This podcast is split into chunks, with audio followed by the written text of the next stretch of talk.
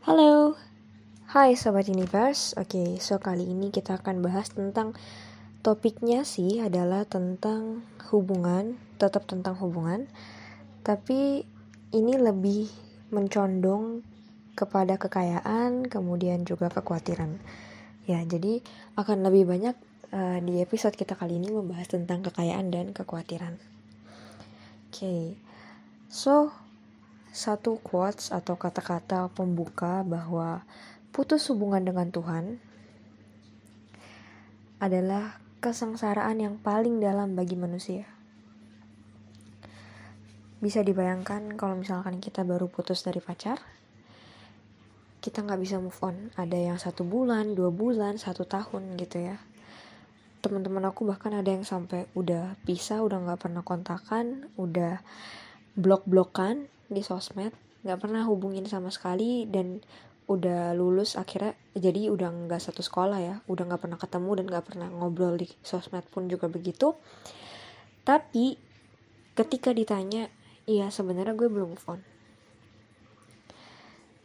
ya apalagi kalau kita putus hubungan dengan Tuhan itu adalah penderitaan karena Tuhan itu adalah sumber berkat. So kalau kita putus hubungan dengan Tuhan aliran berkat yang ada dalam hidup kita juga akan terputus. Karena kita putus dari sumbernya, kita putus dari sumber damai sejahtera, kita putus dari sumber kedamaian. So kita akan kehilangan semua itu. Kalaupun ada berkat, itu hanya berkat satu arah, one way, yang Tuhan kasih ke kita. Tapi bukan dua arah. So hanya Tuhan yang berusaha untuk menyambungkan dengan kita. Tapi hubungan kita dengan dia sudah putus gitu. Uh, membesarkan anak itu mudah. Kita tinggal kasih makan, kasih minum, ya. Yang sulit itu adalah membuat anak menjadi besar. Besar itu adalah pribadi yang berkualitas. Ya, membesarkan anak itu mudah. Yang susah itu adalah menjadikan anak sebagai menjadi besar ya membesarkan kita tinggal kasih makan teratur kita kasih minum kita kasih uh, kebutuhan dia vitamin D vitamin A vitamin C gitu ya. Dia akan bertumbuh sendiri. Anak itu akan bertumbuh sendiri. Dia akan semakin besar. Tapi membuat anak menjadi besar pribadi yang berkualitas itu perlu didikan. Dan itu sulit. Kepemimpinan yang terbaik adalah kepemimpinan yang meneladankan Seribu kata-kata akan kalah oleh satu teladan. Contohnya, banyak bapak-bapak sekarang yang memimpin sebagai kepala keluarga dengan menugaskan. Contohnya menugaskan istrinya gereja ya hari ini. Nanti kalau udah pulang di rumah kasih tahu siapa pendeta yang khotbah, apa isi khotbahnya, nyanyi-nyanyiannya gimana. Jadi kita harus terhubung dengan Tuhan bersama sama seperti kita terhubung dengan orang tua kita. Seperti perumpamaan yang tadi aku bilang bahwa Tuhan adalah sumber. So kalau kita putus hubungan dengan sumbernya, kita akan kesusahan untuk mendapatkan berkat melimpah, untuk mendapatkan kedamaian, mendapatkan damai sejahtera, mendapatkan hal-hal yang tidak sudah lepas dari sumbernya gitu. Oke, dalam bahasa Ibrani, kata mendengar firman Tuhan artinya mama biak. Mama biak itu artinya seperti sapi yang makan, udah masuk ke dalam perut, terus dikeluarin lagi dan dikunyah lagi di mulut. Pernah lihat cara sapi makan? Nah, jadi dalam bahasa Ibrani mendengar firman Tuhan itu sama dengan mama biak, sama seperti makanan yang sudah di, di dalam perut sapi terus dikeluarin lagi untuk dikunyah lagi. Jadi terus-menerus diulang, kita merenungkan firman Tuhan, kita sadar lagi akan firman Tuhan. Jadi seperti itu aku mau uh, buka dua ayat Alkitab kita di 1 Petrus 5 ayat 7 Ah, sorry, kita buka dulu ya, saya 53 ayat 5. Ya, saya 53 ayat 5. Tetapi dia tertikam oleh karena pemberontakan kita. Dia diremukan oleh karena kejahatan kita. Ganjaran yang mendatangkan keselamatan bagi kita ditimpakan kepadanya. Dan oleh bilur-bilurnya kita menjadi sembuh. But, sebenarnya Tuhan itu nggak mati karena kita yang minta no Tuhan gak mati kalau mati karena kita seakan-akan kayak dia terpaksa gitu ya karena kita paksa dia untuk mati no Tuhan mati untuk kita. Dia mengorbankan nyawanya sendiri supaya oleh bilur-bilurnya kita menjadi sembuh. Jadi itu adalah pengorbanan Tuhan. Makanya dia berkorban dengan hati yang tulus. Makanya Allah itu sama dengan kasih. Karena kasihnya Kristus itu rela mengorbankan nyawanya. Dia rela taat kepada Bapa, dia rela mati karena dia mengasihi kita, bukan karena kita menuntut dia untuk mati, no. Oke, satu lagi kita buka di 1 Petrus 5 ayat 7. 1 Petrus 5 ayat 7 Serahkanlah segala kekhawatiranmu kepadanya sebab ia yang memelihara kamu.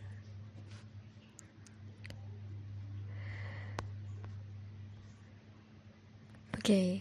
jadi kekhawatiran itu adalah hal yang sangat biasa dalam kehidupan kita sebagai manusia.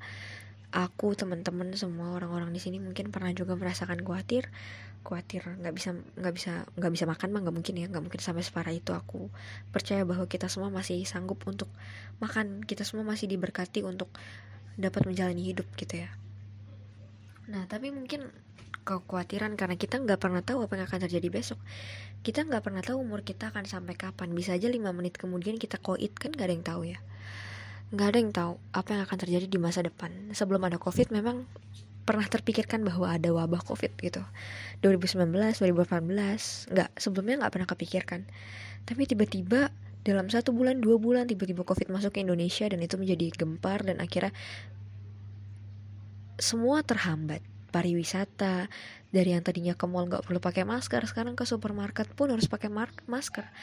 Aplikasi peduli lindungi harus vaksin di mana-mana. Semuanya heboh dan gempar. Bahkan banyak PHK di tahun 2002 eh 2020 sorry. Banyak PHK perusahaan-perusahaan besar terutama uh, di pariwisata kemudian perusahaan-perusahaan yang mewajibkan karyawan untuk WFH sekolah pun berhenti sempat berhenti kemudian dilanjutkan dengan WFH wah benar-benar kacau dunia saat itu teman-teman.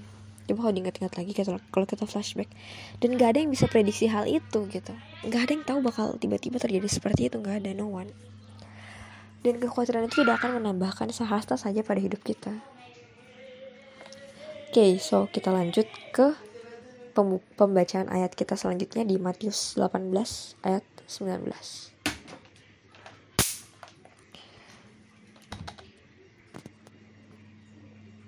Matius 18 ayat 19 Dan lagi aku berkata kepadamu jika dua orang daripadamu di dunia ini sepakat meminta apa pun juga permintaan mereka itu akan dikabulkan oleh Bapakku yang ada di sorga. So kita harus punya komunikasi yang baik. Semua dari hati. Kalau hati kita beres, pikiran kita akan beres. Ya, obat satu-satunya supaya hati bisa menjadi murni adalah pengampunan. Yes, hanya pengampunan sehebat itu pengampunan. Kenapa sehebat itu? Karena kita masuk surga aja karena pengampunan. So, kita harus punya mindset seperti ini. Kita hidup di dunia yang sudah penuh dengan dosa. Jadi kalau misalkan ada orang yang berbuat jahat terhadap kita itu adalah hal yang wajar. Tapi kebaikan sekecil apa pun itu luar biasa. Kita harus punya mindset seperti itu supaya kita nggak kaget dan kita dapat menerima bahwa kita tinggal di dunia yang sudah rusak, sudah penuh dengan dosa. Nah, untuk mengampuni, kita harus punya modal. Modalnya adalah rendah hati. Jangan sampai kita merasa paling benar. Kita melihat orang dari cara yang salah. Sama seperti episode sebelumnya di mana aku sudah pernah bilang juga kalau kita harus meresponi orang dengan benar. Kita harus menjaga kerendahan hati kita dan di episode kali ini aku mau bilang bahwa kita harus punya mindset bahwa semua orang yang berbuat jahat itu biasa aja. Tapi semua orang yang berbuat baik sekecil apa pun itu itu luar biasa. Karena kita tinggal di dunia yang sudah penuh dengan dosa. Gitu. Nah, kalau kita sepakat, maka kita pasti akan diberkati oleh Tuhan. Karena tadi dalam kitab bilang, dua orang berkumpul, berdoa meminta bersama, maka Tuhan akan mendengarkan. Doa akan dijawab ketika kita dan keluarga kita sepakat untuk berdoa kepada Tuhan karena doanya pasti baik. Guys, kita buka kejadian yuk. Kita flashback sebentar ke awal perjanjian lama. Kejadian 1 ayat 29 30, terus juga kejadian 3 ayat 20 21 Tapi di satu pasal kejadian tiga itu sebenarnya membahas satu hal yang kurang lebih sesuai dengan apa yang ingin disampaikan gitu. Coba teman-teman baca. Tuhan mengambil kulit binatang karena manusia berdosa. Tuhan gak bilang binatang yang dia ambil itu apa kulitnya. Tapi ketika manusia berdosa, yaitu Adam dan Hawa jatuh dalam dosa, mereka merasa malu. Mereka merasa malu dan mereka mengambil daun untuk menutupi tubuhnya gitu kan.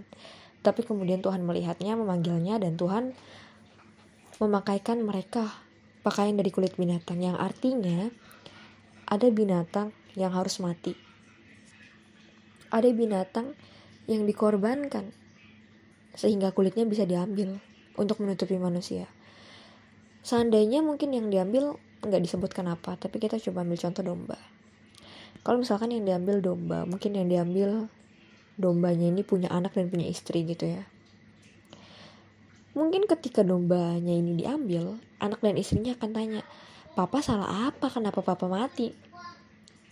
Ini siapa yang berdosa? Kenapa manusia yang berdosa tapi harus Papa yang mati? Harus kita yang menderita?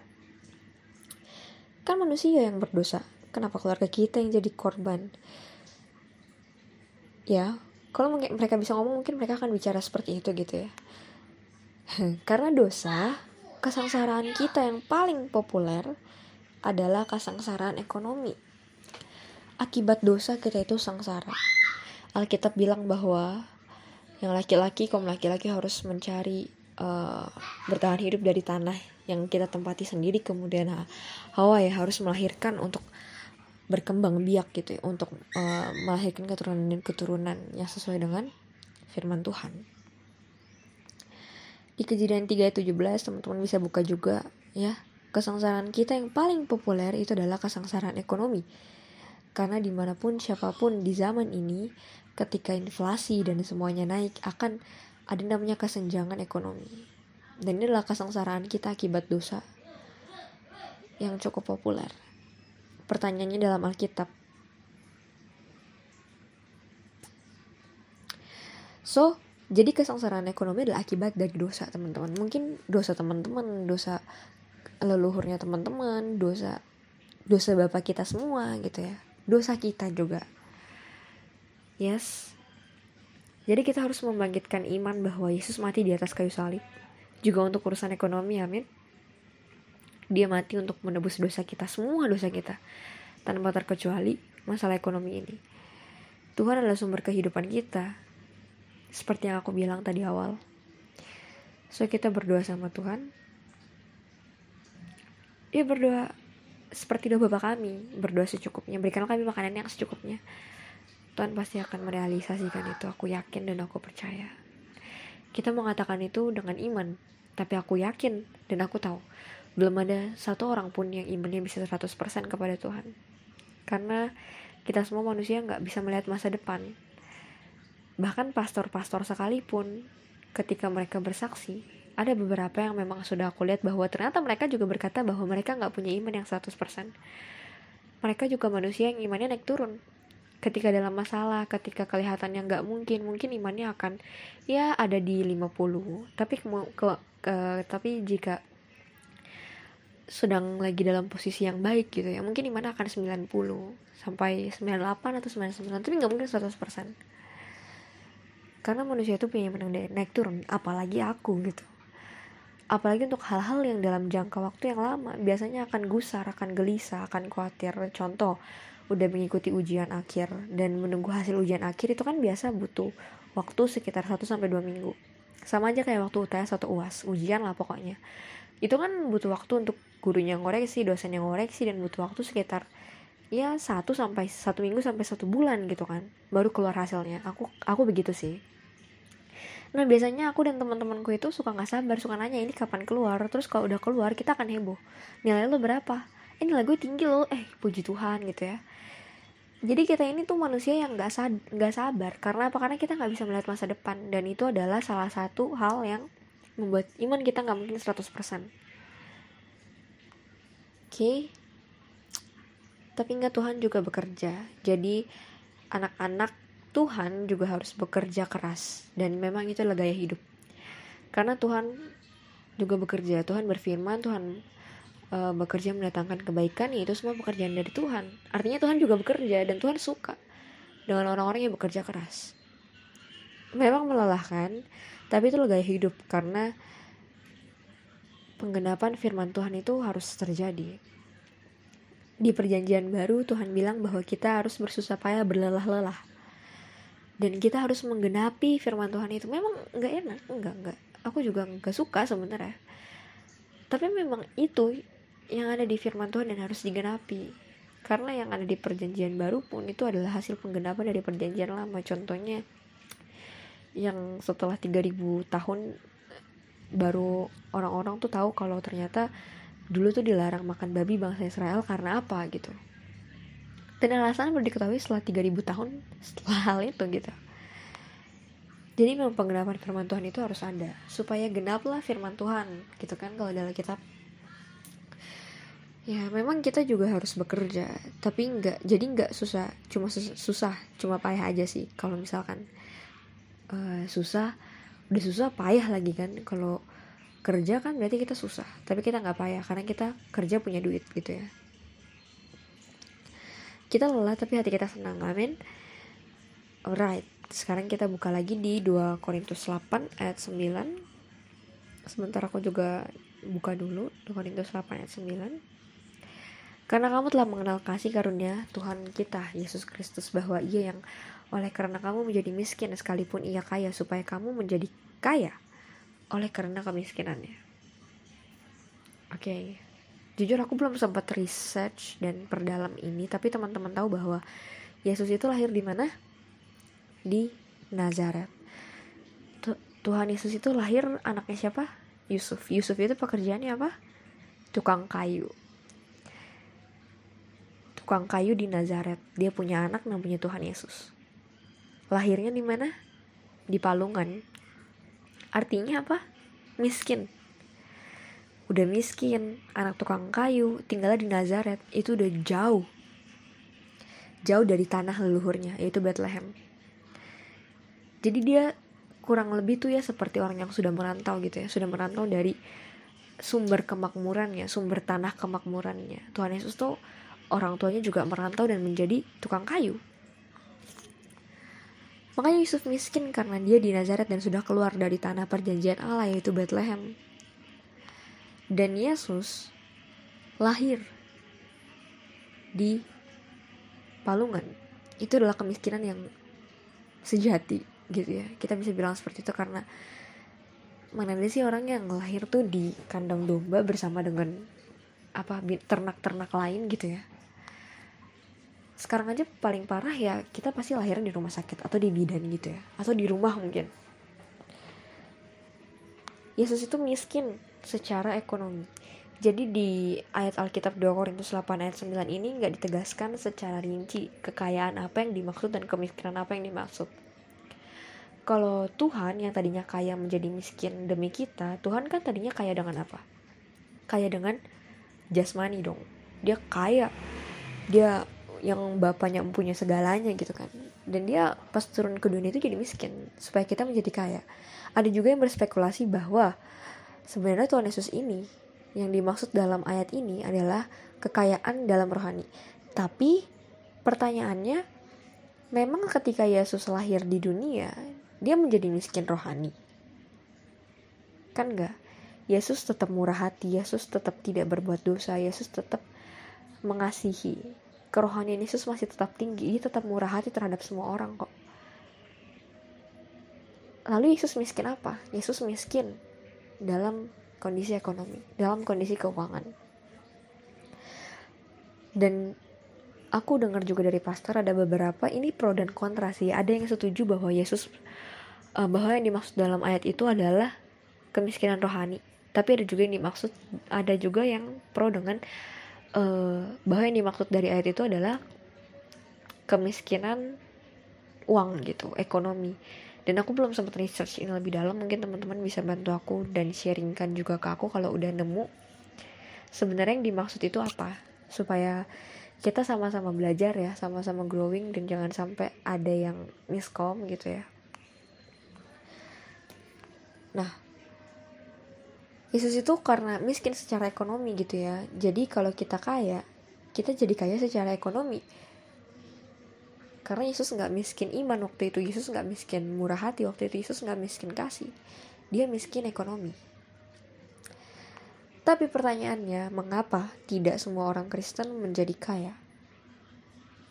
Teman-teman kalau pernah baca Alkitab ya dari raja dari zamannya raja-raja di perjanjian baru teman-teman bisa lihat bahwa kebanyakan orang menjadi kaya itu orang yang menjadi aneh gitu. Maksudnya orang kaya itu jadi aneh-aneh. Ini aku coba kasih satu contoh ayat Alkitab sebentar aku lupa ada di mana. Coba aku cari dulu.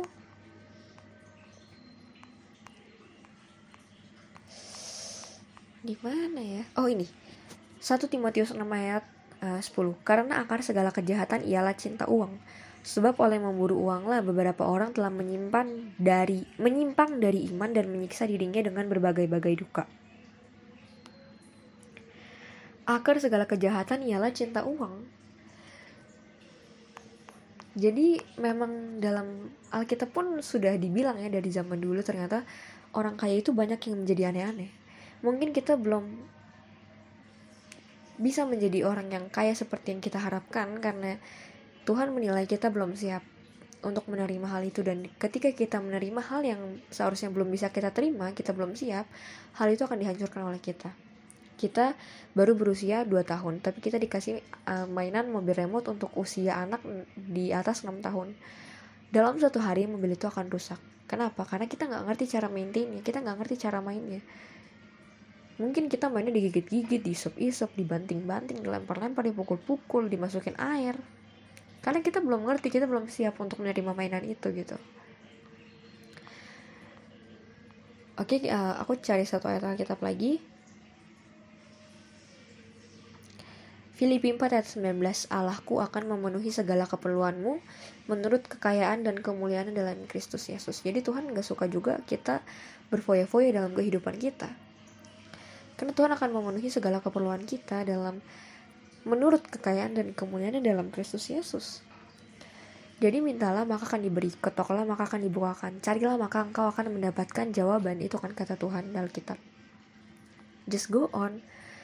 Tapi jangan kecewa kalau Tuhan belum kasih atau Tuhan gak kasih. Artinya kamu memang gak butuh semua itu. Karena yang terpenting itu bukanlah tentang harta. Tapi kekayaan dari dalam diri kita Ketika nilai kita bertambah, Tuhan akan mempercayakan lebih banyak hal lagi dalam hidup kita. Ketika skill kita upgrade nih ya, skill kita nambah. Yang tadinya cuma bisa programming, sekarang juga bisa mendesain.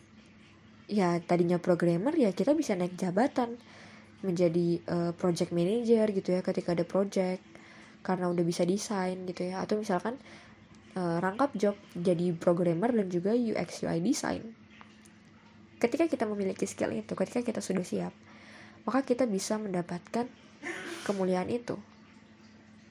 Gitu. Oke. Okay.